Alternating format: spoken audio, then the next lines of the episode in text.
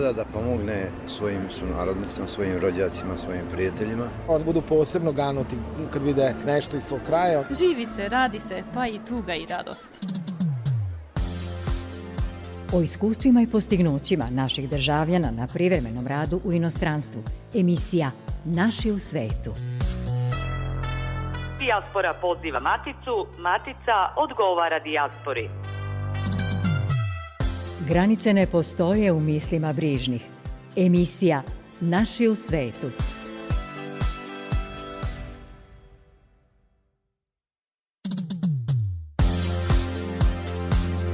Dobro vam veče, poštovani slušalci. Sa vama su u narednih pola sata za tonskim pultom Nikola Baloš, a pred mikrofonom Goran Pavlović. Čućete kako naša crkva u Čikagu okuplja i edukuje dijasporu u tom delu Amerike. Sa nama će biti i sunarodnik iz Saveza Srba Slovenije, organizacije koja unapređuje interes i status naše zajednice u toj zemlji. Predstavljamo Negotinca koji na privremenom radu u Švajcarskoj čuva našu tradiciju i kulturno nasleđe. Ministarstvo spoljnih poslova, Uprava za saradnju s dijasporom i Srbima u regionu raspisuje konkurs za sufinansiranje projekata koji svojim kvalitetom doprinose očuvanju i jačanju veza matične države i dijaspore, kao i veza sa Srbima u regionu, a koji će trajati do 9. marta ove godine. Svrha je unapređenje, čuvanje i negovanje srpskog jezika i ćiriličkog pisma, srpskog kulturnog, etničkog, jezičkog i verskog identiteta. Pravo učešća na konkursu imaju organizacije u dijaspori i organizacije čije se sedište u regionu i Republici Srbiji. Dodatne informacije potražite na sajtu Uprave za saradnju sa dijasporom i Srbima u regionu. Miloš M. Vesin je paroh južno-čikaški i profesor na Bogoslovskom fakultetu Srpske pravoslavne crkve u Libertivilu. Rođen je u Novom Sadu. Završio je Karlovačku bogosloviju i Bogoslovski fakultet u Beogradu. Studije psihologije, studije muzike i postdiplomske studije iz teologije završio je u Lucernu u Švajcarskoj. Prvi je dirigent svešteničkog hora eparhije Šumadijske Sveti Sava.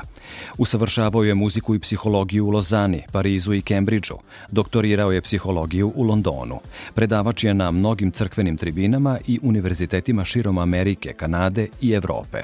Službuje u Čikagu. Tokom boravka u rodnom Novom Sadu sa parohom južno-čikaškim Milošem Vesinom razgovarala je Mirjana Ranković. U kojoj meri je crkva stožer okupljanja i u kojoj meri je crkva angažovana u organizaciji naših ljudi u Americi, u Čikagu konkretno? S obzirom da Srpska pravoslavna crkva u jednom organizovanom smislu postoji već preko 100 godina na prostorima Severne Amerike, a evo danas i na prostorima Srednje i Južne Amerike, mogu slobodno da kažem da je crkva vazda bila i ostala stožer i kamen temeljac svih dešavanja, ne samo verskih, nego i kulturnih i inih, kada je u pitanju srpski narod u Americi. Naravno, kada se govori o našem svetu u Americi, to ne može da se uzme kao jedan izdvojen paket i da kažete Srbi u Americi. Ne, mora se praviti jasna razlika između onih koji su došli krajem 19. veka, početkom 20. veka, neposredno pred drugi svetski rat, posebno pripadnici političke emigracije posle drugog svetskog rata, oni koji su mahom iz logora, pa onda iz izbegličih logora iz Italije i Engleske došli u Ameriku krajem 40. početkom 50. godina i onda naravno pripadnici takozvane ekonomske migracije 70. godina kada je Jugoslavija otvorila granice i najnoviji talas a, onih koji su došli 90. godina usled nebivalih a, zala i nesreća na prostorima bivše Jugoslavije koji su pogodili sve, ali usuđujem se reći najviše srpski narod. Tako da imate nekoliko slojeva dolaženja u Ameriku, kako masovnih, tako i pojedinačnih. Sada više nema velikih grupnih, da kažem, masovnih dolazaka, pojedinačnih dolazaka svakako da ima, u zavisnosti od toga ko se čime bavi i koja je američka firma za koji određeni profil zainteresovana. Ali, u svakom slučaju, u svim tim vremenima, znači od početka 20. veka, evo mi smo prošle 2021. godine obeležili stogodišnjicu postojanja prve srpske pravoslavne eparhije na tlu Amerike, koja je bila poznata pod imenom Eparhija Amerikansko-Kanadska, znači obuhvatala je celu Ameriku i Kanadu. Da li najmlađi su narodnici zaboravljaju svoj jezik, veru, kulturu? Kakav je vaš utisak, pošto ste tamo i u toku ste? Najmlađi naši sunarodnici ne zaboravljaju svoj jezik, jer čovjek da bi nešto zaboravio, on to prethodno mora da zna. Oni ga, nažalost, nikada nisu ni naučili. Govorimo o onima koji su sada četvrta ili peta generacija američkih Srba, srboamerikanaca, srpskih potomaka, amerikanaca srpskog porekla, kako god, jer morate uzeti u obzir da već od davnih godina iz perioda i pre drugog svetskog rata vi imate nemali broj mešovitih brakova. Pogotovo u drugoj polovini 20. veka, evo ja sam 32 godine u Južnom Čikagu i verujte, tokom svih proteklih godina, svake godine većina venčanja u našoj crkvi Svetog Arhangela Mihajla su bili takozvani mešoviti brakovi. Znači jedna strana je bila srpske pravoslavne vere, srpske nacije i pravoslavne vere ili pak potomak Srba, a druga strana je bila nemačko, irsko, engleskog, bilo švedskog, bilo kog porekla, rimokatoličke, protestantske, metodističke, luteranske veroispovesti i tako dalje. Naravno, bilo je i dešava se da ima i onih koji prilaze pravoslavnoj crkvi ne zbog razloga udaje ili ženitbe, nego jednostavno zato što ih privlači pravoslavna crkva kao mesto koje zaista čuva neokaljani lik Hristov, mesto u kome vide zaista crkvu iz apostolskih vremena. Kakvi su odnosi sa Maticom u smislu saradnje sa ovdašnjim institucijama? Ako hoćete da pričam lepe priče i bajke, mogu da kažem da su odnosi sjajni i tako dalje. Ako hoćete da budem realan, onda ću iskazati gorku istinu da se matica najčešće ponaša maćehinski. Jer, pazite, mi ne tražimo mnogo od matice ali tražimo ono što ima vrednosti. Kada se govori o nekoj, uslovno rečeno, kulturnoj saradnji, mi obično imamo šta?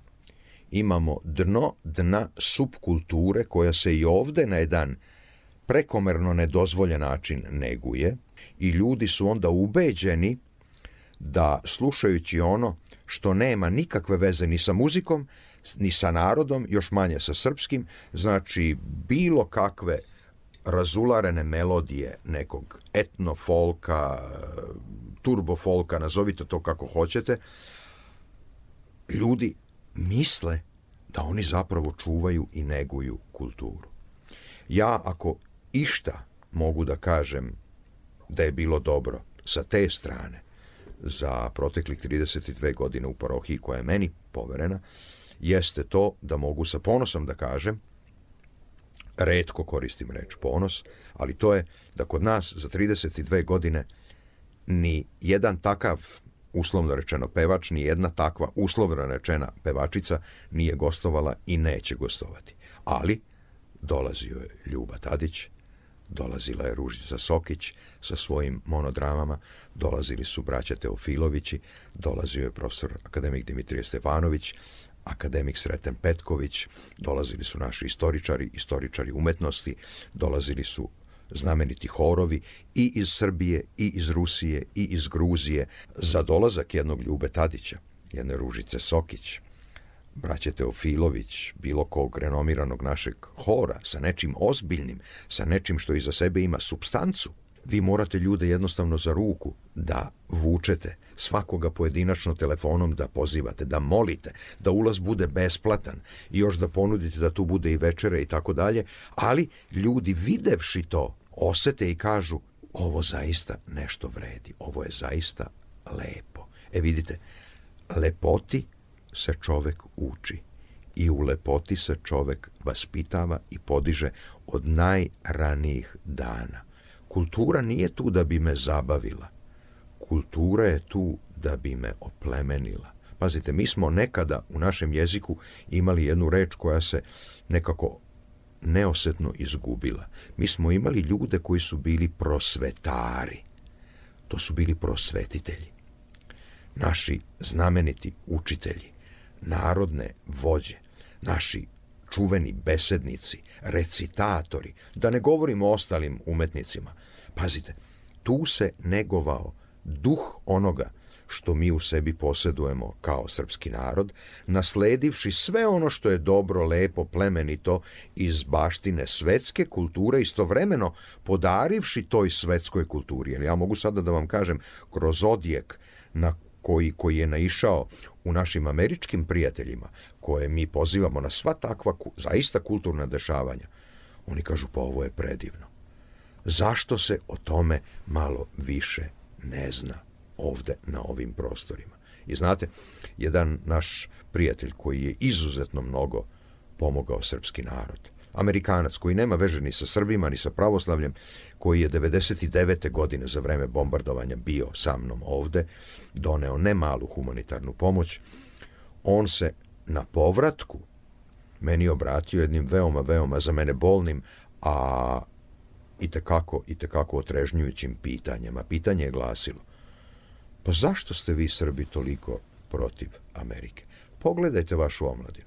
Šta vaša omladina sluša? Kako se vaša omladina oblači? Kako se vaša omladina hrani? Šta su joj uzori? Reko da, sve je to tačno, nažalost, zahvaljujući đubretu, baš sam tu reč upotrebio, koje nam vi šaljete. Kaže, tačno je, naravno, Amerika izvozi svuda đubre.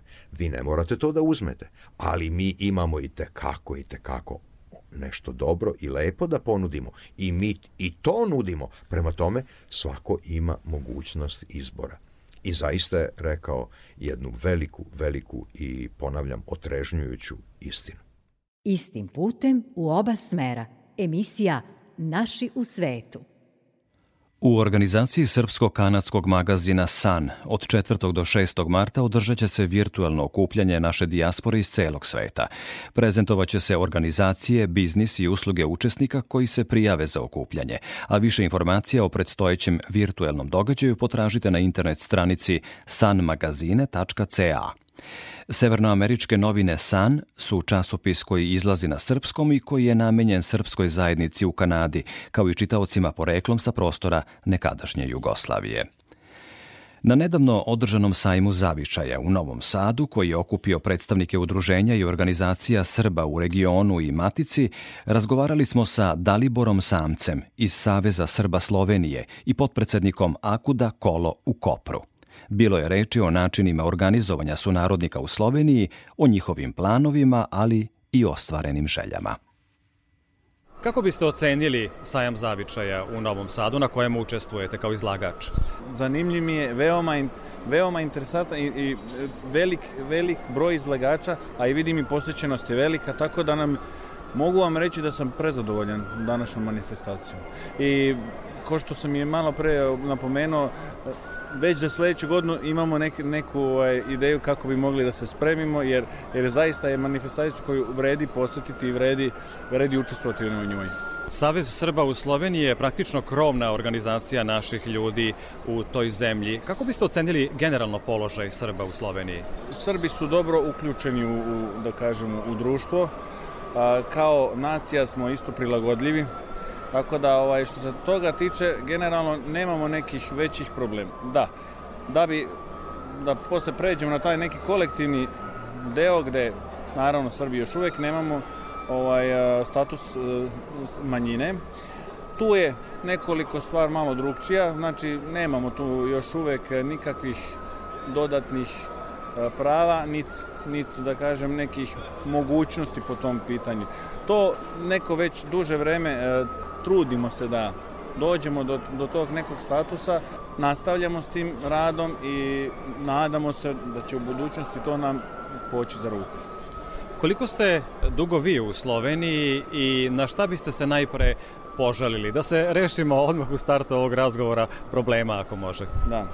Pa pazite, ja sam rođen u Sloveniji. Ja sam, tako reći, ta prva generacija, eto, ja imam isto sad decu, čega bi se rešio? Pa pazite, znate kako, naviko sam živeti taj način, taj život između Srbije, Republike Srpske i Slovenije. To je nek, neka harmonija koja može da funkcioniše i mogu vam reći da a, znajući taj mentalitet i ovaj, lepo se to da ukombinovati. Vrlo je zanimljivo, moram da primetim, vi ste rekli da ste rodom iz Slovenije, međutim odlično govorite srpski jezik. Da li to znači da i e, svoju decu podučavate srpskom jeziku onako bez ikakvog akcenta? E, moji su roditelji došli u Sloveniji ra, kao i svaki rad, svi, sav narod u onoj bivšoj Jugoslaviji gde se moglo raditi, tako su i oni migrirali. Imam troje dece, 5, 3, jednu godinu i sa svakim od njih pričam srpski. Naravno, moja, moja je supruga iz mešo, mešo, mešovitog braka, ona s njima slovenački, ja srpski, a upisali smo ih u italijanski vrtić, tako da nama je suština da imaju bogatstvo, bogatstvo jezika, bogatstvo, bogatstvo tradicije koju pokušavam da uspešno prenesem na njih, Nadam se da će mi to i uspeti. Verovatno svaki, svaki trud se na neki način isplati, tako da verujem da će i, i to poći za ruku. Znate kako kažu u našem narodu, čovek vredi e, onoliko koliko jezika govori. Vrlo često organizujete manifestacije posvećene čuvanju kulturnog identiteta Srba u Sloveniji. Koje biste od njih istakli ovom prilikom? U Sloveniji postoje do, dosta kulturno-umetničkih društava i sva su ona na svoj način bogata i na, svojem, na svom, u svom regionu okupljaju, da kažem, e, pripadnike naš, našeg korpusa, pripadnike srpske nacionalnosti, pa i naravno i drugih.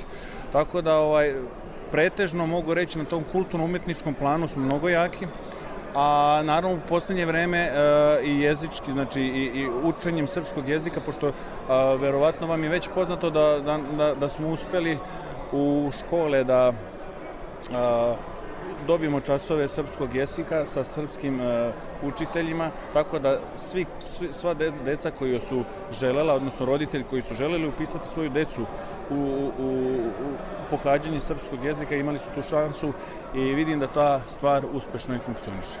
Tako, a mogu da istaknem da imamo isto mnogo ovaj uspešnih privrednika. A i u poslednje vreme, govorim poslednje vreme nekoliko godina unazad, veći broj srpskih studenta isto studira u našim krajevima tamo.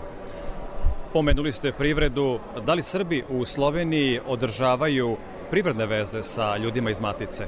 Ja bih rekao da ne, u nekom manjoj meri to postoji. Ali e, baš moram da istaknem tu da radimo na tome. Stekli smo tu isto nekih ideja na, i na tom sajmu, e, e na tom sajmu današnjem kako bi mogli da napravimo bazu podataka srpskih privrednika i srpskih studenta, naravno, koja bi mogla biti od, od koristi tako i matice, tako i naš privrednika u Sloveniji, naravno i studenta. Vrlo često u emisiji Naši u svetu Radio Novog Sada predstavljamo razne organizacije i udruženja naših ljudi u svetu.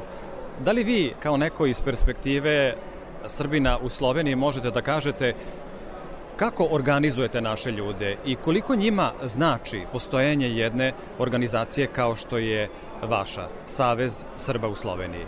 Savez Srba u Sloveniji se pretežno se e, manifestuje, odnosno e, prelazi iz, iz, iz, iz glas prelazi preko društava. Znači srpskih udruženja, srpskih ovaj da kažem nekad i privrednika, nekih e, samostalnih da kažem umetnika, uglavnom preko, preko uh, ljudi koji, koji su već u nekim udruženjima. E, sad da bi, da bi ta da bi, uh, da bi taj savez dobio dobio na uh, legitimitetu i dobio na masovnosti, znači to, to treba preći na običnog čoveka. Znači i da najobičniji čovek iz nekog sela zna da taj savez postoji i da taj savez treba da bude ta organizacija, organizacija koja će imati koja će biti predstavnik svih Srba. Udruženja jesu tu, ali realno gledano, Srbi u Sloveniji manji broj je Srba koji su uključeni u rad društva. Mnogo veći broj, mnogo veći broj tih koji koji su van toga. Znači, ljudi ne bave se svi sa, sa kulturno-umetničkim delom, oni neki su sportisti, nije im toliko interesantno da, da bi pevali, oni bi želi da igraju futbol ili nešto drugo, tako da hoću reći veliki je spektar ljudi koji treba još da da se uključi, ne mora u rad, jednostavno u neku informaciju, bazu podataka da, da, da, da onda imamo, da imamo, e, da kažemo, neki veći, jači temelj i, i, i, i količinu, što je jako bitno za, za održavanje i našeg, da kažem, saveza, a isto tako i za, za tu neku konekciju sa maticom i da imamo jači glas u Sloveniji. Vrlo često iz institucija Srbije obilaze Srbe u regionu. Nedavno su bili iz uprave za saradnju sa dijasporom i Srbima u regionu i u Sloveniji. Kako biste ocenili tu saradnju i kako bi se ona mogla unaprediti i intenzivirati po vašem nekom sudu? Pa pazite, ja smatram da je u poslednje vreme eh, taj intenzitet a i saradnja mnogo bolja nego u prošlosti. Mogu reći da je una, unapređuje se taj, da kažem, taj kontakt i taj, taj način komunikacije se unapređuje. Da li naša zajednica u Sloveniji ima dobar način međusobne komunikacije, a s druge strane, da li ono čime se bavite i što praktično e, proizvedete kao zajedništvo, da li se tako nešto može čuti u slovenačkim medijima? Pa čuje se. Čuje se ne, ne toliko na nacionalnoj televiziji, ali na, na tim regionalnim televizijama se već čuje. E, sad tu imamo i neke druge projekte koje želimo da, da ih realizujemo. E, tu bi sad istako da želim, kako imamo u Kopru, blizu 800 studenta, tako i Srbije, kao i Republike Srpske, smatramo da je tu vreme da imamo neki studentski centar, a isto tako smatramo da je neophodan centar privrednika, takođe u Kopru, ali mislim da na, na nivou cele Slovene, ali recimo, eto, mi smo, bazi, mi smo iz Kopra, pa bi bitno bilo da krenemo na lokalu, kako lokal, kako lokal razvijamo, razvijamo i onda i na nacionalni deo. Tako da smatram da prestoji pred nama velik, mnogo posla, ali smatram da taj posao bi trebao da rezultira uspešnim i saradnjom studenta sa privrednicima i takođe saradnjom privrednika sa srpskim privrednicima iz Matice iz Republike Srpske, iz regiona uopšte. Matica ima želju i, i ima mogućnost da nam pomogne. Ta mogućnost ne svodi se na finansijsku mogućnost. Nije nama, ne, ne možemo govoriti, ako, ako hoćemo da povežemo i privrednike i studente, ne mo, nije tu suštinska ta finansijska pomoć, nego je više ta, ta medijska, ta, ta mogućnost uh, koju, koju saradnja može da uspostavi kontakti sa vlastima su tu veoma dobro došli. Tako da svakako, svakako sa jačanjem matice jača i naša dijaspora, da kažem i naša zajednica u Sloveniji, tako imamo mi jači glas pred, pred, uh, pred našim institucijama u Sloveniji. Pomenuli ste mnoge manifestacije na kojima se okupljaju naši ljudi. Jedna od tih jeste i e, Svesrpski sabor koji se krajem godine obično održava u Sloveniji, ako se ne varam, u Kranju. Naravno da nas je epidemijska situacija sve omela da se organizujemo i družimo na najbolji mogući način. Imate li u planu, s obzirom na to da evo epidemija možemo reći u nekim nagoveštajima jenjava, e, da li ukoliko se e, takav trend i nastavi, da li imate tendenciju da se ponovo organizujete krajem ove godine recimo u Sloveniji gde bismo i mi vrlo rado došli, da sve zabeležimo? Tendencije postoje, tu ne, ne možemo reći, e, želja nam je svima velika da, da te manifestacije osvežimo, obnovimo. Tako da, uh, hoću reći, uh, tendencija je, želja je, mogućnosti jesu. E sad vidjet ćemo kako će nam vlasti dozvoliti da, da tak, takvu jednu manifestaciju i uh, realizuju. Naš sagovornik bio je Dalibor Samac iz Saveza Srba u Sloveniji. Želimo vam ugodan boravak u Matici i srećan povratak nazad u Sloveniju. Pozdravite sve su narodnike tamo. Hvala, hoćemo. Mi vam želimo pre, e, lep ostanak i još bolji susret u budući. Vežu nas događaj, misli, kultura i tradicija. Emisija Naši u svetu. Povodom predstojićih izbora u Republici Srbiji raspisanim za 3. april obaveštavaju se birači koji imaju boravište u inostranstvu da preko diplomatsko-konzularnog predstavništva Republike Srbije najkasnije pet dana pre dana zaključenja jedinstvenog biračkog spiska do 12. marta ove godine mogu podneti zahtev da se u jedinstveni birački spisak upiše podatak da će na predstojećim izborima glasati u inostranstvu. A poštovani slušalci, u našoj redovnoj razmeni priloga o dijaspori sa emisijom Večeras zajedno Radio Beograda 1 upoznajemo vas sa jednim od naših čuvara tradicije u inostranstvu. Odrastao je na istoku Srbije, napajao se sa izvora našeg nasljeđa i od malena učio koliko je važno sačuvati sećanje na običaje, nošnju, folklorne igre i prenositi znanje o tome – Iako je već dve decenije sticajem životnih okolnosti s porodicom i poslom pozicioniran daleko od svog kraja u Švajcarskoj, ne zaboravlja da svojim delima širi dobar glas o tradiciji svog naroda. Objavio je i monografiju o narodnim nošnjama. Sa Leanom Lazićem, rođenim negotincem, razgovarao je Dejan Grujić. Potičete iz okoline Negotina, rođeni ste i odrasli u jednom od najlepših sela u tom kraju, u Kobišnici. Sada živite u Švajcarskoj već dve decenije unazad sa porodicom, ali ne zaboravljate svoj kraj. Možete li da nam ispričate više o svom odrastanju i uticaju zavičaja i porodice da se zaljubite u tradiciju običaja i nošnje? Zovem se Lazić Lejan, rođen sam 1977. godine u Zaječaru. Celo svoje detinjstvo sam proveo u Kobišnici, u jednom selu u Negotinskoj krajini. Sva znanja koja sam stekao, stekao sam od svoje učiteljice u osnovnoj školi, znači kod nje sam naučio prve korake, a svu ostalu nadogradnju sam dobio od svoje prabake koja je iz tog sela i koja je vredno radila na narodnim nošnjama i na kraju je sve to ostavila meni, stvari našoj porodici, da čuvamo to kako se čuva sa kolena na koleno. Tako da je to jedan e, veliki razlog gde sam ja pokušao svu tu kompletnu nošnju i detalje koje se nalaze da otrgnem od zaborava i da ilustrujem u jednu monografiju tog sela. Rezultat vaše ljubavi prema nošnjama, folkloru, tradiciji uopšte rezultirao je objavljivanjem jedne značajne monografije. O čemu je reč? U ovoj monografiji koju sam radio, teo sam da obuhvatim e, kompletnu nošnju jednog sela, da ne kažem jednog kraja, pošto se onako razlikuju nošnje iz kraja u kraj, iz sela u selo, jel?